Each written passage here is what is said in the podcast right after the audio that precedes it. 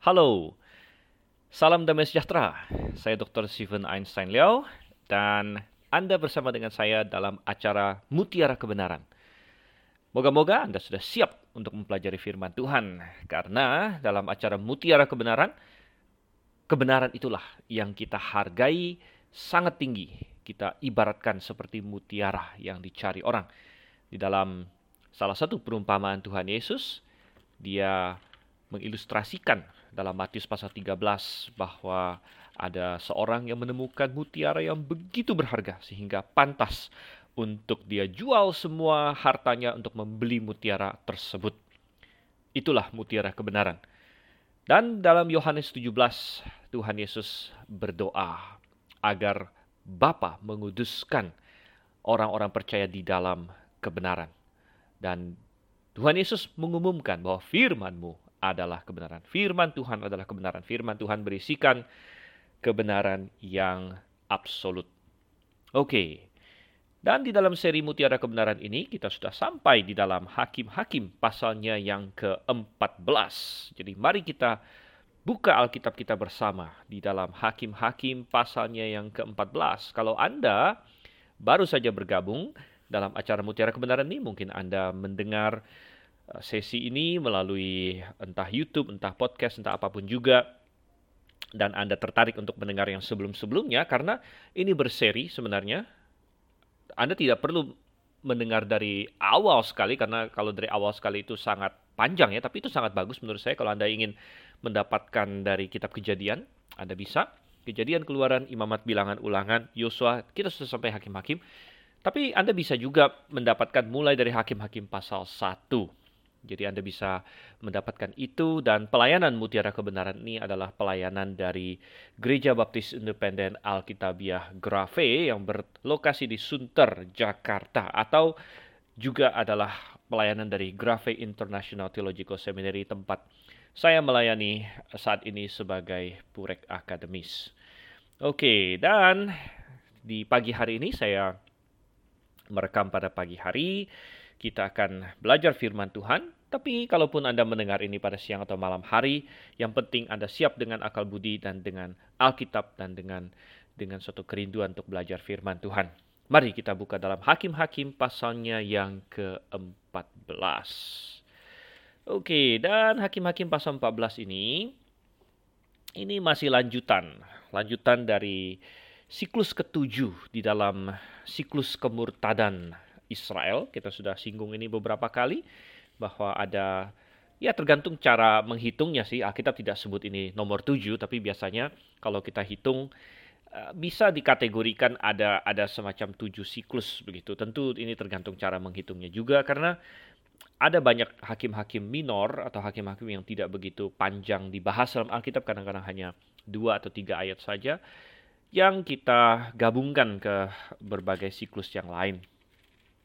Tetapi ini boleh dibilang adalah siklus yang terakhir dibahas di dalam kitab Hakim-Hakim karena setelah Simpson selesai, nanti kita akan membahas bukan hakim selanjutnya namun situasi Israel secara umum. Itu nanti mulai dari pasal 17. Tetapi kita masih di pembahasan tentang Simpson di pasal 13 kita sudah membahas bagaimana Simpson dipersiapkan oleh Tuhan sejak dia lahir bahkan. Dan Tuhan mengumumkan kepada orang tuanya bahwa Tuhan bermaksud untuk memakai Simpson dengan luar biasa. Namun, sebagaimana sudah kita bahas juga di sesi 13 bahwa Tuhan menciptakan manusia dengan kehendak bebas. Dan Tuhan tidak memaksa manusia, Tuhan memberitahu manusia. Tuhan memberitahu manusia bahwa Tuhan punya maksud dan rencana untuk manusia, tapi manusia bisa bisa menolak itu. Dan manusia bisa melawan Tuhan dan manusia bisa mengecewakan Tuhan. Dan itu tidak berarti Tuhan kalah, tidak. Tuhan adalah pribadi yang maha, jadi dia maha berhikmat dan dia maha segala-galanya. Dan sekalipun manusia memberontak kepada dia, maksud dan tujuan Tuhan akan terlaksana juga, hanya dengan cara yang berbeda. Dengan cara yang berbeda ya. Dan hidup Simpson mengilustrasikan ini dengan luar biasa. Simpson punya potensi yang sangat-sangat luar biasa sangat luar biasa. Uh, namun dia memilih untuk tidak melakukan apa yang benar seringkalinya dan uh, walaupun Tuhan tetap bisa memakai dia uh, di tengah segala kelemahannya, kita menjadi bertanya-tanya, kita menjadi sebenarnya merasa dikecewakan ya karena apa yang lebih hebat lagi bisa terjadi kalau misalnya dia ikut jalannya Tuhan gitu. Oke, cukup untuk pendahuluannya. Kita akan masuk ke teks sekarang. Tapi sebelum kita masuk ke teks, kita akan berdoa terlebih dahulu. Kita akan minta pertolongan Tuhan. Mari kita berdoa. Bapak di surga, kami mengucap syukur Tuhan untuk kasih setia para kami. Dan kami sungguh uh, mengantisipasi bahwa ketika kami membaca firman-Mu akan akan ada pelajaran yang berharga bagi kami Tuhan, akan ada tuntunan, akan ada uh, penerangan dari dari rohmu sehingga kami dapat bukan hanya memahami tapi itu bisa tertanam dalam hati kami. Tolong kami Tuhan, tolong kami. Kami berdoa dalam nama Yesus Kristus. Amin. Baik. Mari kita baca terlebih dahulu dari ayat 1 Hakim-Hakim pasal 14 sampai ke ayatnya yang keempat. Kita akan lihat di sini ayat 1 sampai ayat yang keempat. Simpson pergi ke Timna dan di situ ia melihat seorang gadis Filistin. Ia pulang dan memberitahukan kepada ayahnya dan ibunya, di Timna aku melihat seorang gadis Filistin. Tolong ambillah dia menjadi istriku. Tetapi ayahnya dan ibunya berkata kepadanya, Tidak adakah di antara anak-anak perempuan sanak saudaramu, atau di antara seluruh bangsa kita seorang perempuan, sehingga engkau pergi mengambil istri dari orang Filistin, orang-orang yang tidak bersunat itu? Tetapi jawab Simpson kepada ayahnya, Ambillah dia bagiku sebab dia kusukai. Tetapi ayahnya dan ibunya tidak tahu bahwa hal itu daripada Tuhan asalnya. Sebab memang Simpson harus mencari gara-gara terhadap orang Filistin karena pada masa itu orang Filistin menguasai Israel. Oke. Jadi Simpson sudah dewasa di sini. Pasal 13 kita membaca tentang kelahirannya dan bahwa dia sebenarnya sudah dikhususkan oleh Tuhan untuk menjadi seorang nazir. Seorang nazir adalah seorang yang all out untuk Tuhan, yang yang intinya ya seluruh hidupnya untuk Tuhan, apalagi nazir yang dari dari lahir. Dan oleh karena itu Simpson di sini mestinya dia adalah seorang yang sangat rohani. Tetapi ternyata tidak. Kita akan membaca di sini. Dan pasal 14 di sini berbicara mengenai pernikahan Simpson. Dan selain menjadi pelajaran tentang Simpson dan tentang beberapa hal yang bersifat umum, juga menjadi pelajaran yang sangat penting mengenai masalah pernikahan juga. Jadi ada banyak pernikahan dalam Alkitab yang dicatat. Uh, Simpson adalah salah satu pernikahan yang dicatat dan Simpson adalah contoh pernikahan yang negatif yang dicatat dalam Alkitab. Ada banyak sekali kekacauan di sini dan ini menjadi eh, teladan, teladan negatif bagi kita supaya kita tahu kesalahan-kesalahan yang terjadi. Pertama kita melihat di sini Simpson pergi ke Timna, di sini Timna adalah wilayah Filistin pada waktu itu yang kita diberitahu bahwa orang Filistin berkuasa atas Israel, tentu ini adalah karena mereka menjauh dari Tuhan. Mereka meninggalkan Tuhan sehingga di pasal 13 kita diberitahu bahwa Tuhan menyerahkan mereka ke tangan orang Filistin. Bahkan sudah lama, selama 40 tahun. 40 tahun itu berarti sudah satu generasi sudah kasih Tuhan. Jadi ada ada generasi Israel yang uh, sudah terbiasa di bawah Filistin. Mereka sejak mereka lahir mereka berada di bawah Filistin. Dan ketika di Timna dia melihat seorang gadis katanya. Dia seorang gadis. Nah, pada masa itu pernikahan adalah sesuatu yang diatur oleh orang tua. Jadi Simpson tidak bisa sesuai dengan adat pada waktu itu atau kebiasaan pada waktu itu langsung saja mengambil perempuan ini menjadi istrinya, melainkan harus ada persetujuan antara uh, kedua orang tua yang bersangkutan. Jadi apa yang dilakukan oleh Simpson? Oke, okay, dia pergi kepada ayah dan ibunya dan kemudian dia berkata pada mereka, Oke, okay, aku mau menikah dengan perempuan nih, aku menikah dengan perempuan, di Timna, nah mungkin orang tuanya akan berkata, oh perempuan yang mana? Dan saya yakin bahwa semua orang tua menginginkan pernikahan yang baik untuk anaknya. Ya, saya sebagai orang tua juga sekarang, walaupun anak saya masih kecil pada saat ini, eh, tapi kadang-kadang terpikir juga oleh saya, walaupun anak saya masih masih sangat kecil ya, masih ya belum usia menikah lah begitu, masih yang paling besar pun masih belasan awal belasan tahun. Tapi kadang-kadang ya walaupun saya tidak memikirkan aktif memikirkan ini, tapi kadang-kadang terpikir juga oh nanti kalau dia besar dia akan menikah dengan siapa dan sebagainya. Apalagi kalau orang tua yang punya anak yang sudah pada umur remaja atau pemuda, ya pasti orang tua merindukan bahwa anaknya akan menikah dengan dengan baik di sini. Dan ketika Simpson datang pada orang tuanya, lalu berkata, "Oh, aku punya seorang perempuan, aku ingin menikah dengan dia." Mungkin orang tuanya pertama uh, lumayan mungkin tertarik gitu. Wah, ini ada ada perempuan mana yang menarik eh, perhatian Simpson. Nah, tapi tentu mereka akan sangat kaget sekali ketika mereka mendengar bahwa perempuan ini adalah seorang gadis Filistin, seorang gadis Filistin. Sehingga di ayat yang ketiga mereka mereka berkata, mereka tidak habis pikir. Dan mereka berkata tidak adakah tidak adakah perempuan lain lagi di Israel gitu. Sehingga kamu harus memilih eh, seorang perempuan dari Filistin. Tetapi apa jawab Simpson? Lihat yang ketiga, tetapi jawab Simpson kepada ayahnya, ambillah dia bagiku sebab dia kusukai. Sebab dia kusukai. Oh, saudara kasih Tuhan, kita melihat di sini, uh, ini adalah suatu kesalahan yang yang luar biasa ini ya. Simpson tidak begitu mengenal gadis ini. Ya, pada masa itu tidak ada kayak pacaran apa lain sebagainya. Ya. Sehingga mungkin Simpson uh, ber, berlaku demikian berdasarkan apa yang hari ini kita sebut love at first sight atau cinta pada pandangan pertama. Wow, cinta pada pandangan pertama, sudah kasih.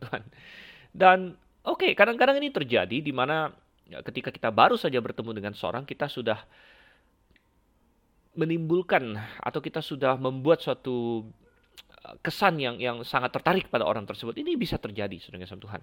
Namun ada satu masalah dengan konsep cinta pada pandangan pertama ini. Ya. Ah, kesalahannya adalah apa? Saya tidak menyangkal bahwa bisa saja ketika kita pertama bertemu seorang kita langsung tertarik kepada seseorang. Itu bisa. Tapi tertarik, sudah sebenarnya tertarik itu tidak tidak harus kita uh, tindak lanjuti selalu. Tidak harus selalu kita uh, lanjutkan gitu. Tertarik bisa, tapi sudah Tuhan ada suatu konsep yang sangat salah di dunia ini Eh, dan konsep ini sebenarnya bisa kita tarik lagi ke masa-masa bahkan mitologi Yunani dan sebagainya. Anda masih ingat dalam mitologi Yunani ada satu dalam tanda kutip dewa di situ kalau Anda masih ingat dan ini di budaya populer juga tahu yaitu Cupid. Anda tahu Cupid ya, Cupid sering digambarkan seperti kayak malaikat atau dewa kecil yang kayak anak kecil yang pegang pegang panah gitu nah dia akan tembak orang. Nah, orang yang ditembak itu akan jatuh cinta begitu. Dan konsep ini konsep ini banyak ya beredar bahwa cinta itu seperti seseorang yang pasif terjadi pada diri kita, sesuatu yang tidak bisa kita kendalikan. Jadi ketika kita melihat seseorang, ya, kalau dimitologisasikan kayak kita kena kena panahnya Cupid gitu. Kita kayak kena panah cinta. Wah, tiba-tiba saya jatuh cinta. Dan ini juga muncul dalam istilah jatuh cinta. Dalam bahasa Indonesia kita memakai istilah jatuh cinta. Dalam bahasa Inggris sama fall in love. Dalam bahasa Mandarin agak sedikit beda, justru dibalik ya. Dalam bahasa Mandarin dia memakai ai shang gitu.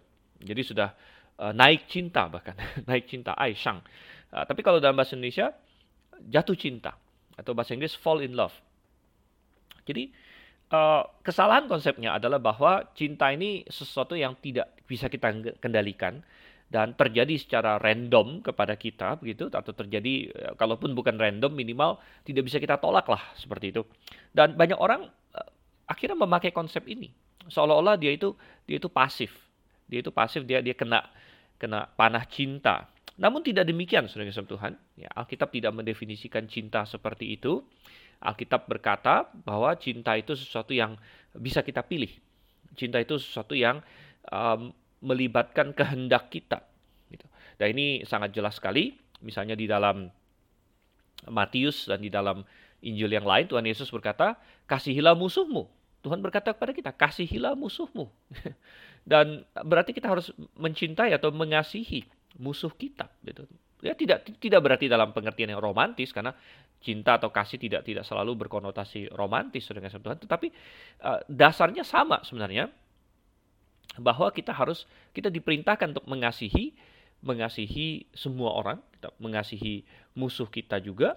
Ya tentu ekspresi kasih itu beda-beda. Ya ekspresi kasih seseorang kepada pasangan hidupnya tentu berbeda dengan ekspresi kasih kepada misalnya tetangganya dan lain sebagainya.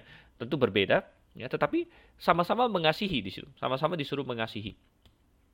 Dan itu mengindikasikan bahwa kasih itu sesuatu yang bukan sekedar pasif, Bukan sekedar pasif, bukan kayak kita kena panah cinta, tapi itu sesuatu yang yang bisa kita tentukan sebenarnya. Bahwa saya akan mengasihi seseorang. Ah, dan mungkin Anda berkata, "Oh, itu tidak tidak romantis, tidak ada kayak perasaannya, tidak ada kayak wah kayak percikan apa boom begitu kan kayak mercon di otak kita tiba-tiba meledak atau apalah begitu. Wah, dan banyak orang mencari yang seperti itu. Tapi itu tidak tidak harus ada. Itu itu bukan prerequisite untuk untuk cinta yang yang sejati gitu ya. Dan uh, kita melihat di sini akhirnya permasalahannya adalah Simpson hanya membuat keputusan berdasarkan perasaannya saja. Saya tidak berkata bahwa perasaan adalah hal yang salah. Perasaan itu sesuatu yang sangat powerful, saudara Tuhan. Sangat sangat kuat sekali perasaan perasaan kita. Tapi perasaan kita sebenarnya adalah sesuatu yang sebenarnya bisa kita pakai untuk memudahkan kita melakukan hal yang benar. Untuk memudahkan kita melakukan hal yang benar. Perasaan kita tidak pernah boleh kita pakai untuk membuat kita melakukan hal yang salah. Nah di sini.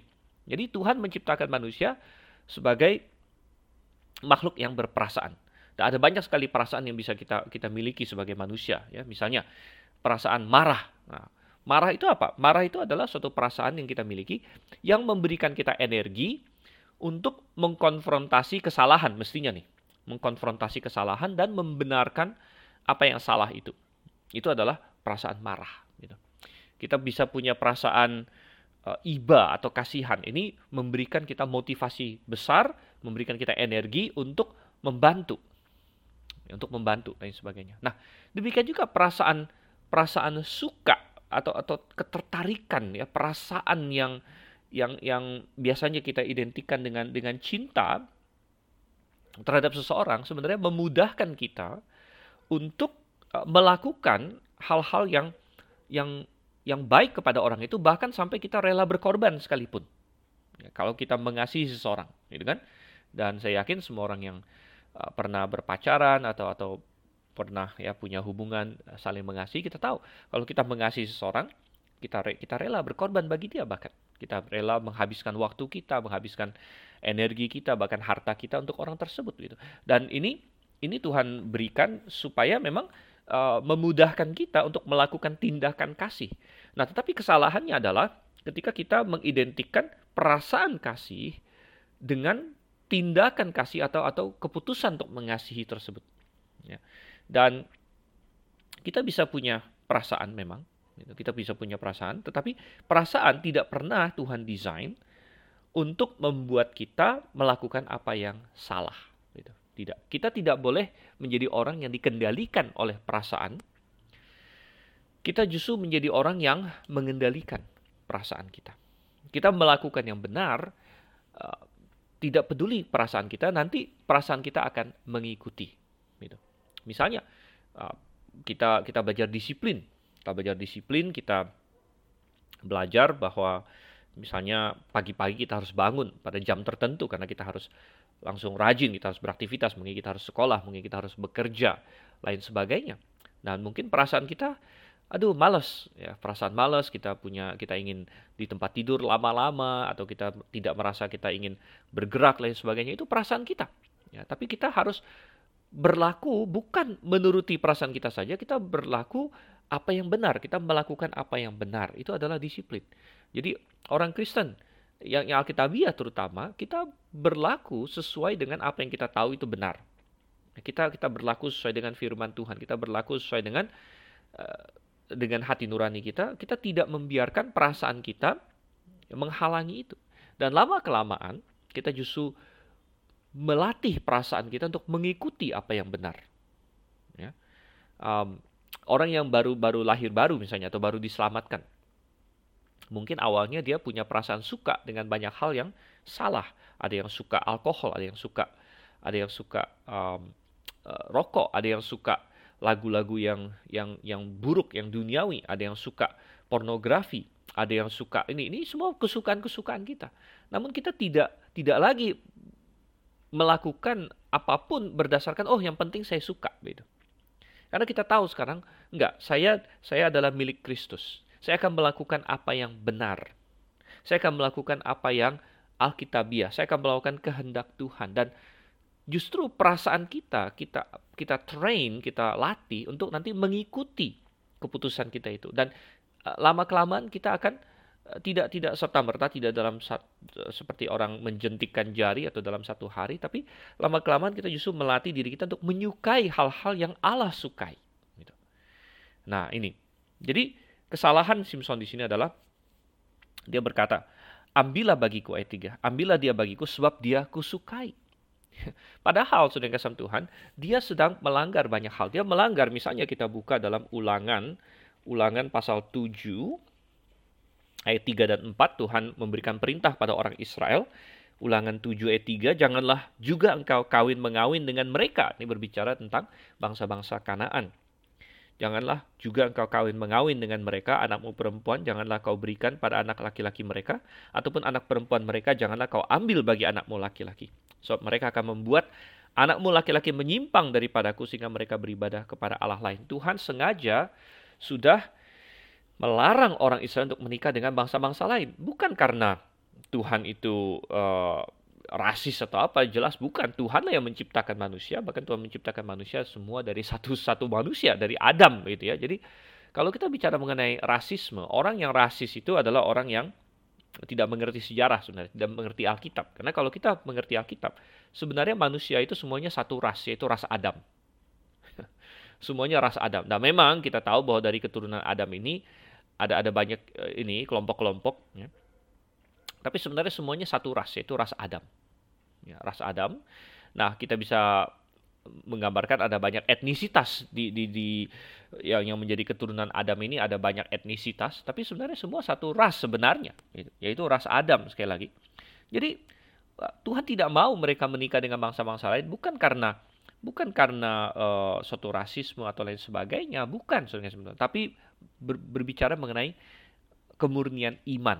Ya, kalau misalnya ada orang non Israel yang yang akhirnya percaya kepada Tuhan, sama sekali tidak masalah.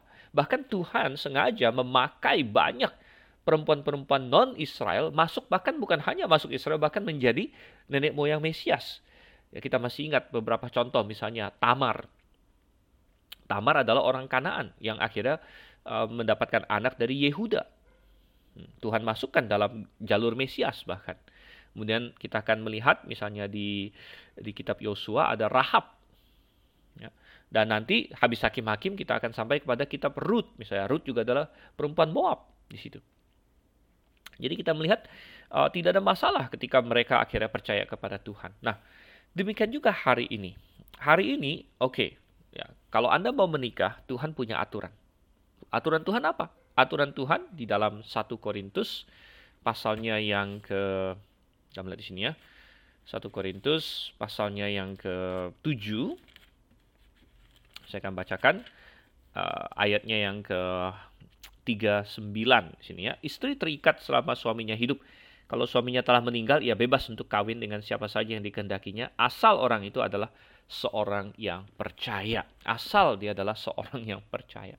Jadi Simpson di sini melanggar hukum Tuhan, melanggar perintah Tuhan supaya orang Israel tidak menikah dengan non Israel dengan orang Kanaan.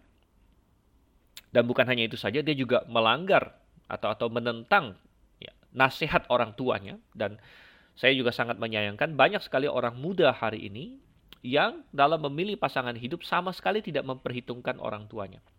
Nah, saya tahu kondisi orang beda-beda. Anda kalau mau cari ekstrimnya ada tentu. Ada keluarga ekstrim yang orang tuanya nggak becus, orang tuanya malah kacau dan sebagainya dan dan menjadi faktor negatif. Tapi itu jarang, saudara Tuhan.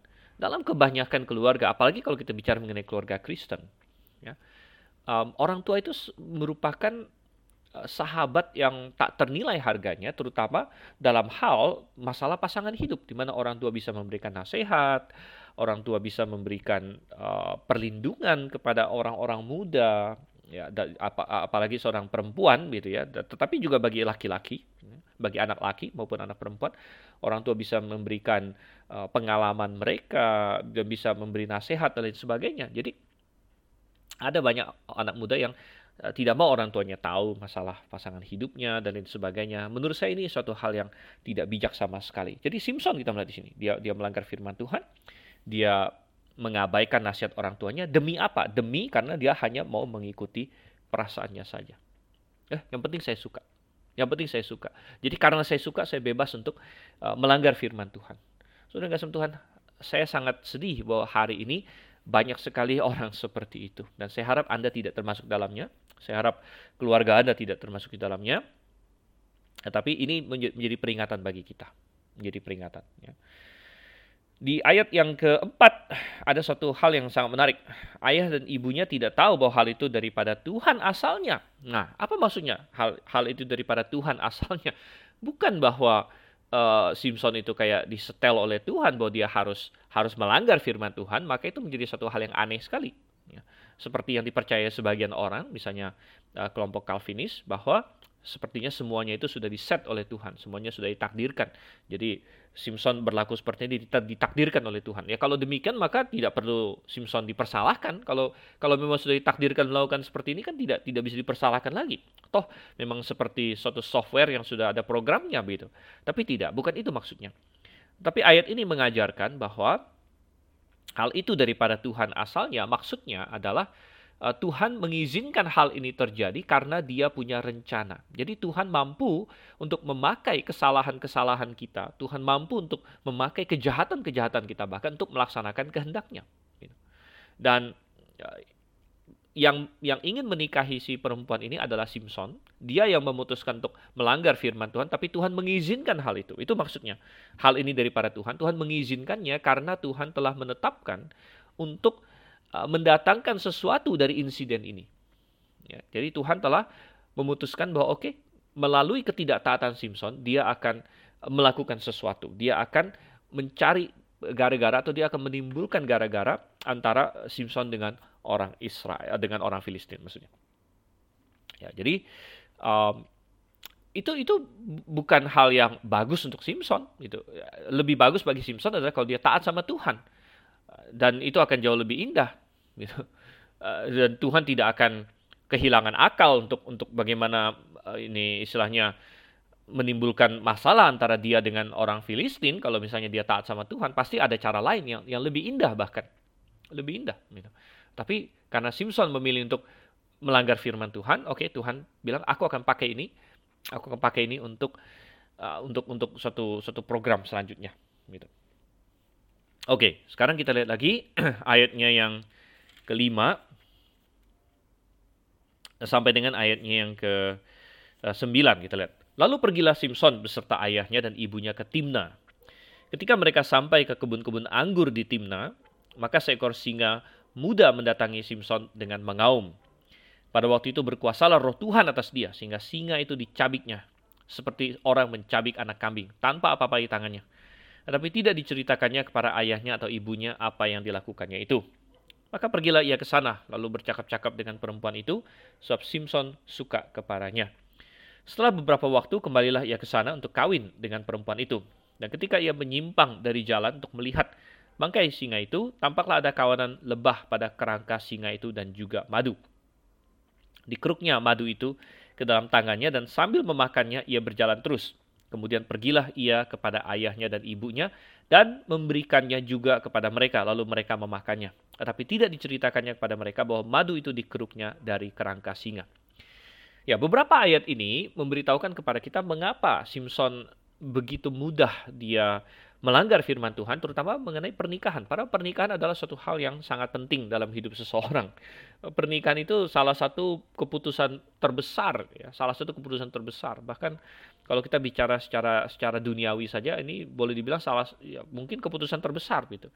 Uh, tentu yang paling besar secara absolut adalah masalah keselamatan. Itu adalah keputusan terbesar seseorang. Apakah dia mau menerima Yesus sebagai Tuhan dan Juru Selamat dan kalau ada di antara pendengar yang belum uh, membuat keputusan ini, Anda harus melakukannya dengan dengan segera, Anda harus mempertimbangkannya dengan baik-baik sesuai dengan firman Tuhan. Tapi uh, di luar dari keputusan-keputusan rohani, pernikahan adalah keputusan terbesar. Bahkan pernikahan roh, uh, pernikahan pun ada unsur uh, rohaninya juga. Ya.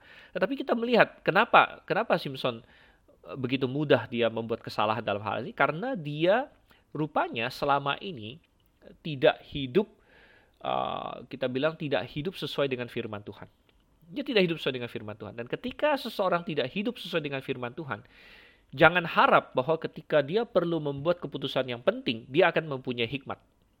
Jangan harap saudara kasih Tuhan. Ya. Um, apa yang Amsal katakan? Permulaan hikmat ialah takut akan Tuhan. Itu permulaan hikmat. Jadi jangan jangan berpikir bahwa oh nanti kalau tiba saatnya saya harus uh, memutuskan A, memutuskan B, saya akan ikut firman Tuhan. Misalnya keputusan besar dalam hidup saya, misalnya nanti masalah menikah, nanti masalah uh, masalah anak, masalah apalagi yang kita anggap besar. Tetapi kemudian dalam hal-hal kecil kita tidak merasa penting untuk ikut Tuhan begitu. Dan kita merasa ah masa bodohlah hal ini. Tidak bisa begitu. Karena permulaan hikmat ialah takut akan Tuhan. Nah, Simpson di sini dia sebenarnya adalah seorang nazir. Dan kita sudah bahas di sesi sebelumnya. Nazir itu ada beberapa hal yang tidak boleh dia lakukan. Dia tidak boleh makan apa pun yang berhubungan dengan anggur. Tapi apa yang kita lihat di ayat 5? Dia melewati kebun-kebun anggur. Nah memang sih kita tidak dikasih tahu bahwa saat itu dia makan anggur. Tetapi ini adalah suatu, ya kita bisa anggap apa ya, semacam menempatkan dirinya kepada uh, temptation atau atau pencobaan yang tidak perlu sebenarnya. ya, dan Belakangan kita akan lihat bagaimana dia bikin pesta dan sebagainya uh, untuk orang-orang Filistin ya. Dan itu juga menempatkan diri pada pada pencobaan yang yang tidak perlu. Ya. Nah bukan hanya itu saja. Kemudian tiba-tiba datang seekor singa katanya, datang seekor singa. Ya, satu satu hal yang sangat berbahaya. Singa itu adalah binatang yang sangat kuat dan uh, sangat buas, gitu.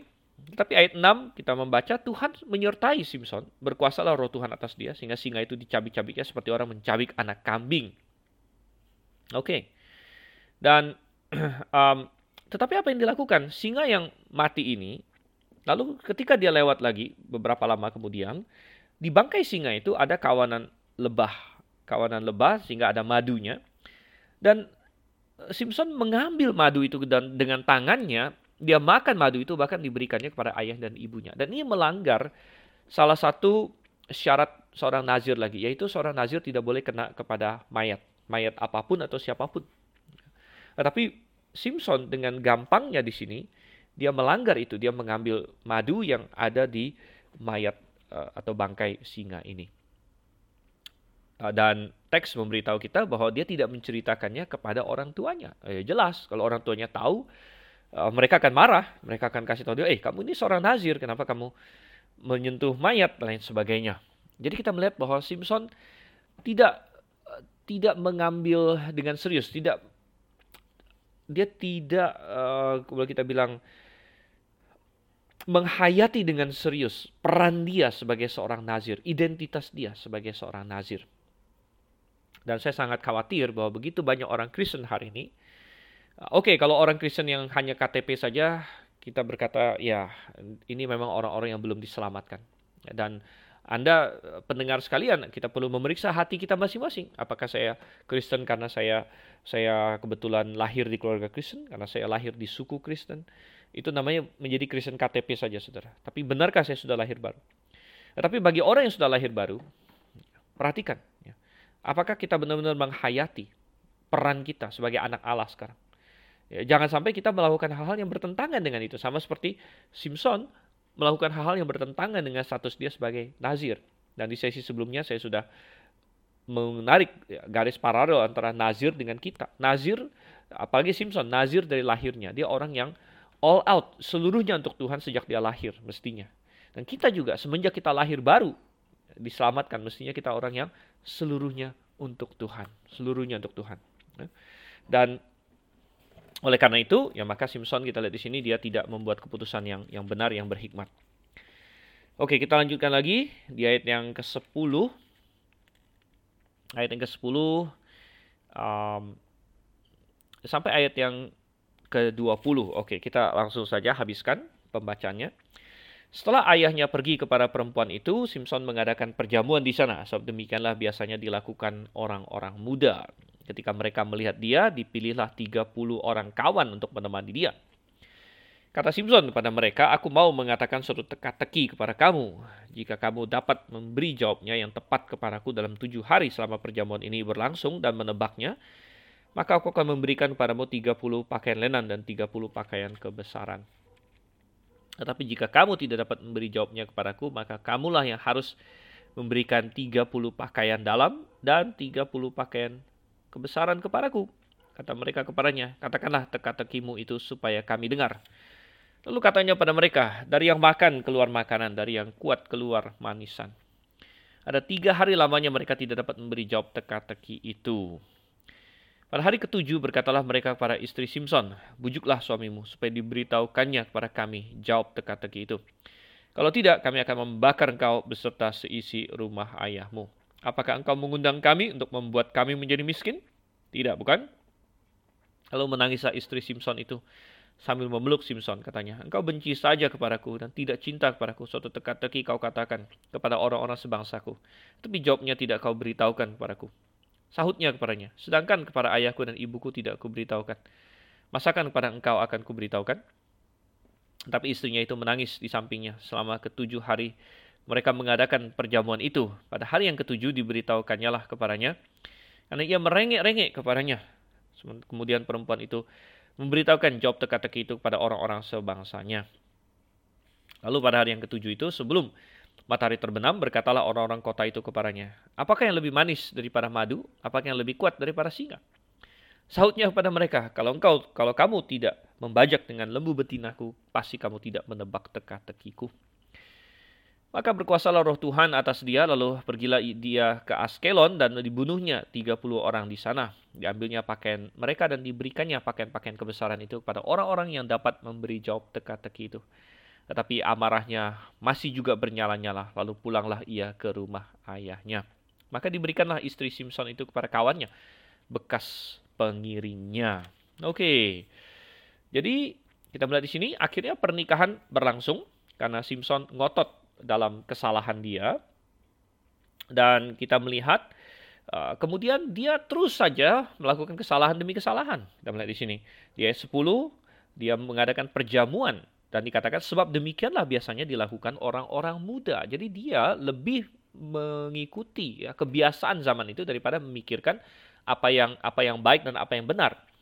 Dan ingat bahwa dia adalah seorang nazir, tadi sudah kita sebut. Seorang nazir tidak minum-minum. Seorang nazir tidak minum anggur dan lain sebagainya. Sedangkan kalau dia bikin perjamuan, sudah pasti dia akan menyuguhkan anggur. Ya.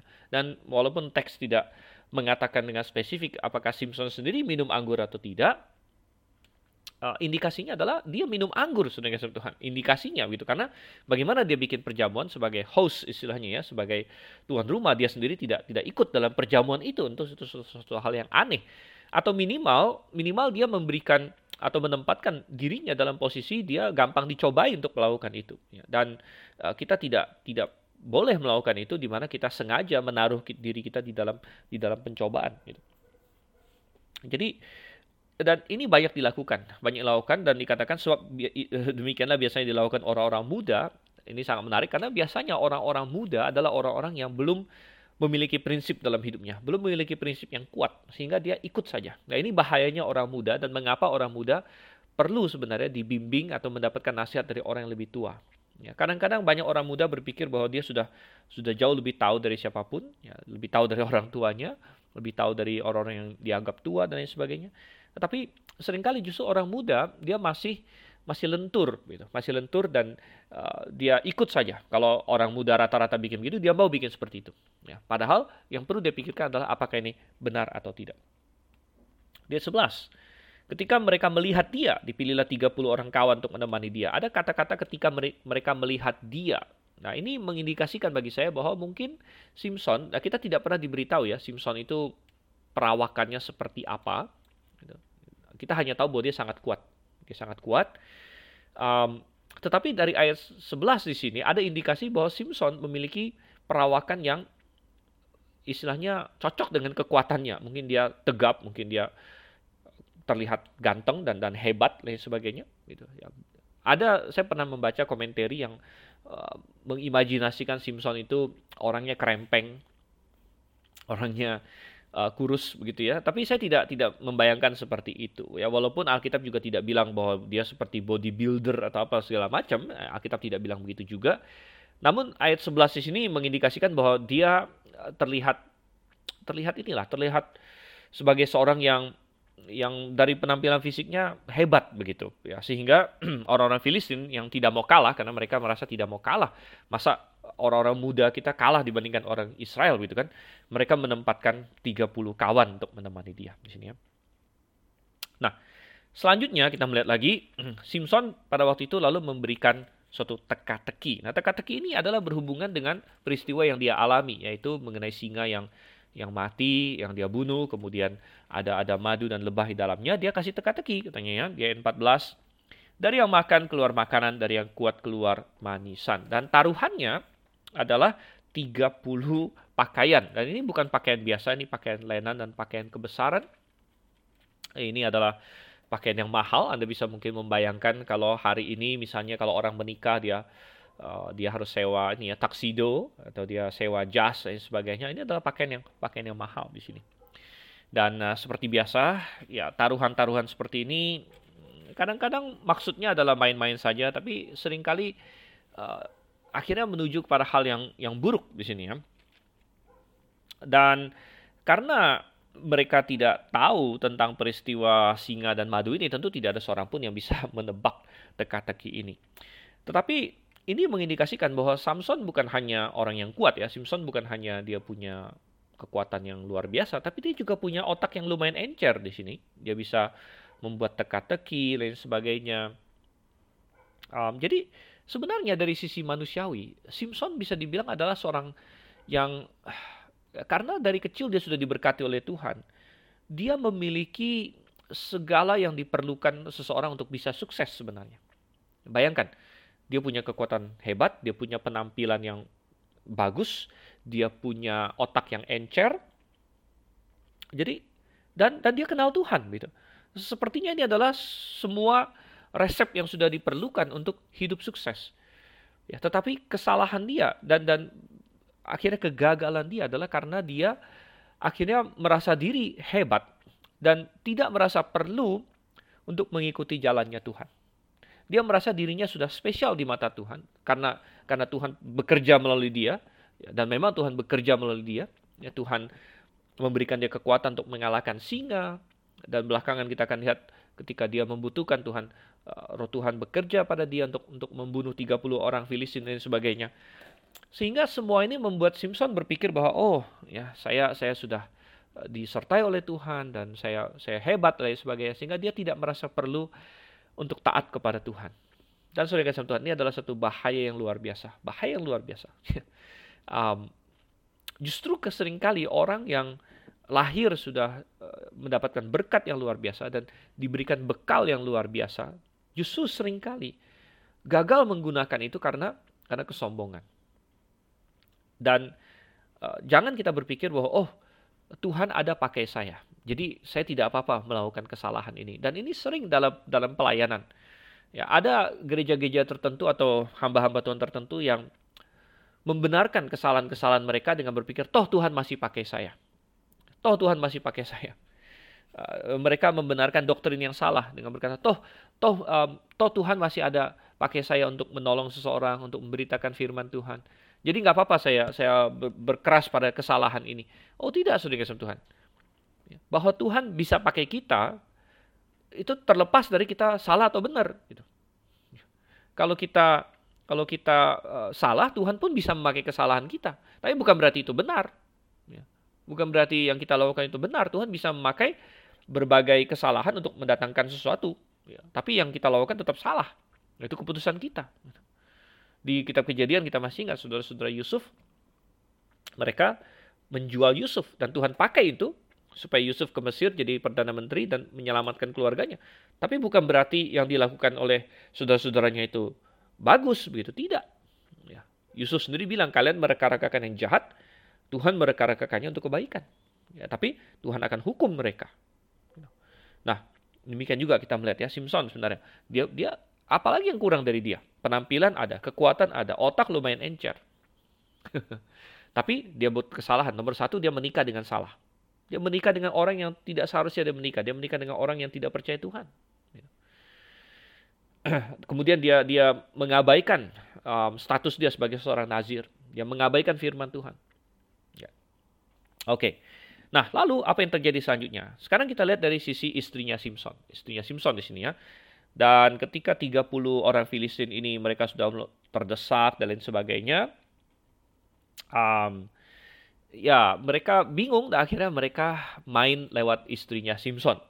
Ya, mereka mereka mengancam istrinya Simpson bahwa kamu harus kasih tahu, kamu harus kasih tahu, gitu ya. Kalau tidak kami akan bakar engkau dengan seisi rumah ayahmu. Ya, sehingga apa yang dilakukan? Nah, salah satu senjata seorang wanita yang sangat ampuh adalah adalah air matanya. Jadi katanya di sini istrinya menangis tujuh hari, menangis tujuh hari, menangis tujuh hari. Dan ini adalah suatu kesalahan saudara kesem Tuhan. Dan ini menjadi contoh. Kalau Simpson tadi adalah teladan negatif ya dalam hal pemilihan untuk menikah dan sebagainya. Istri Simpson di sini menjadi teladan negatif juga mengenai bagaimana berlaku di dalam pernikahan, terutama bagi seorang istri di sini. Um, seorang istri bisa saja mencoba memanipulasi suaminya, itu bisa, dan ini yang dilakukan oleh istri Simpson. Dia memanipulasi suaminya dengan air mata, dengan uh, rengekan yang terus menerus. Kalau dalam bahasa Inggris kita bilang nagging, ya, to nag. Jadi kayak apa ya, merengek terus ya uh, ini apa pokoknya nggak ada henti-hentinya ini uh, ngomongin sesuatu ya menuntut dan lain sebagainya. Jadi dia merengek rengek rengek. Dia memanipulasi Simpson. Sampai akhirnya Simpson tidak tahan lagi. Akhirnya dia kasih tahu sebelah dia kasih tahu.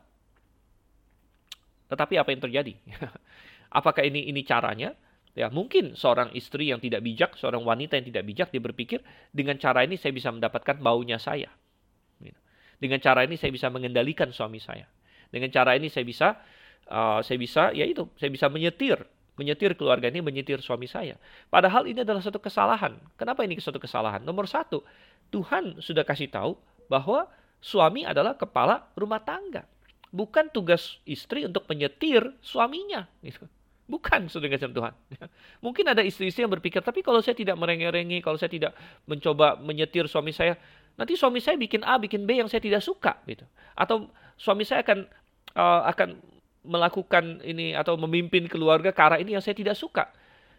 Well, uh, Alkitab berkata bahwa suami adalah kepala rumah tangga. Gitu. Dan dia adalah yang uh, punya hak untuk memang memimpin keluarga itu. Nah, pemimpin yang baik tentu saja akan mempertimbangkan istrinya. Tentu ya. Tetapi sudah kasih Tuhan, kalau misalnya Anda merasa bahwa uh, suami Anda tidak memimpin dengan baik sekalipun, ya, Anda tentu bisa memberikan suatu masukan yang konstruktif, ya, tetapi juga bukan dengan cara mencoba memanipulasi dia, atau terus-terus merengek-rengek, atau terus kayak menekan dia dan lain sebagainya. Bukan itu caranya. Bukan itu caranya. Anda Anda bisa kasih masukan konstruktif satu kali, ya. Uh, kemudian ya anda nanti tidak tidak mencoba memanipulasi dia atau merengek terus sampai tujuh hari dan lain sebagainya atau berapa lama pun itu. Kalaupun dia melakukan hal yang buruk, apa yang firman Tuhan katakan di 1 Petrus 3, 1 Petrus 3 ayat 1. Saya akan bacakan firman Tuhan ini. Demikian juga kamu, hai istri-istri, tunduklah kepada suamimu, supaya jika ada di antara mereka yang tidak taat pada firman, mereka juga tanpa perkataan dimenangkan oleh kelakuan istrinya. Apa kata firman Tuhan? Kalaupun seorang istri menikah dengan seorang suami yang tidak benar sekalipun, ya, bukanlah caranya adalah dengan uh, menggunakan kata-kata yang sedemikian memanipulasi dia atau menyerang dia dengan kata-kata bukan. Tapi di sini apa? Tunduklah supaya dengan tanpa perkataan dimenangkan oleh kelakuan istrinya. Ya. Jadi ini kesalahan yang banyak dilakukan oleh oleh wanita-wanita bahkan wanita-wanita Kristen sekalipun. Jadi mereka renge, mereka di sini memanipulasi suaminya dan akhirnya memang sih jangka pendek mendapatkan apa yang dia inginkan. Mendapatkan apa yang dia inginkan, tetapi jangka panjangnya apa? Jangka panjangnya mereka kehilangan uh, kepercayaan suaminya dan suaminya uh, akan timbul suatu kepahitan di dalam hati suaminya terhadap istrinya. Sehingga memang kalau kita baca selanjutnya uh, dikatakan ayat 19 bahkan setelah setelah Simpson menyelesaikan masalah itu dengan cara dia dia roh Tuhan berkuasa atas dia, kemudian dia pergi ke Askelon, dia membunuh 30 orang situ, dia ambil pakaian mereka. Ya, dan ini adalah yang yang Tuhan lakukan supaya memang muncul suatu konflik antara antara Simpson dengan orang Filistin di sini ya. Uh, tetapi karena dia marah, ya akhirnya dia tidak pulang ke rumah ayahnya. Dan uh, si istri Simpson ini mendapatkan jawaban, tapi dia kehilangan Simpsonnya.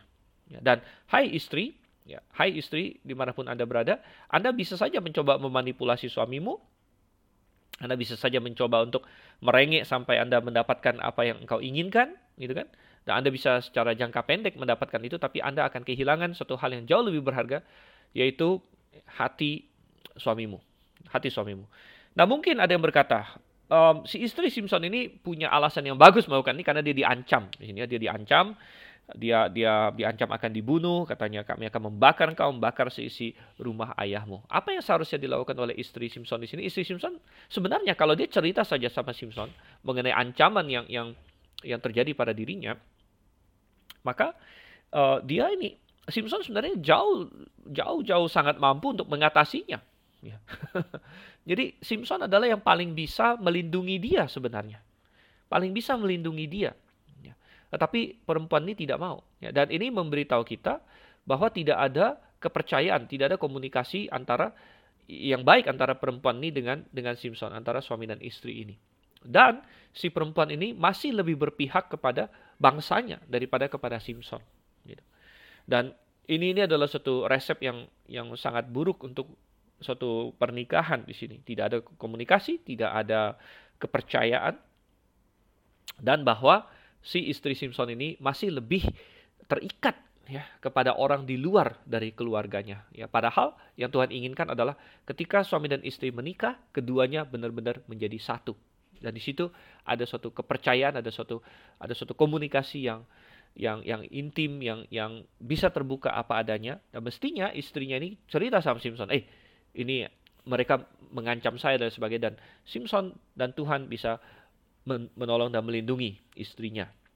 Dan apa yang terjadi justru sebaliknya, di mana istrinya mencoba untuk menyelamatkan dirinya sendiri dengan cara merengek-rengek para Simpson seperti ini. Nanti kita belum sampai, tapi di pasal 15 kita akan melihat justru itu berujung kepada kehancuran dirinya. Gitu ya.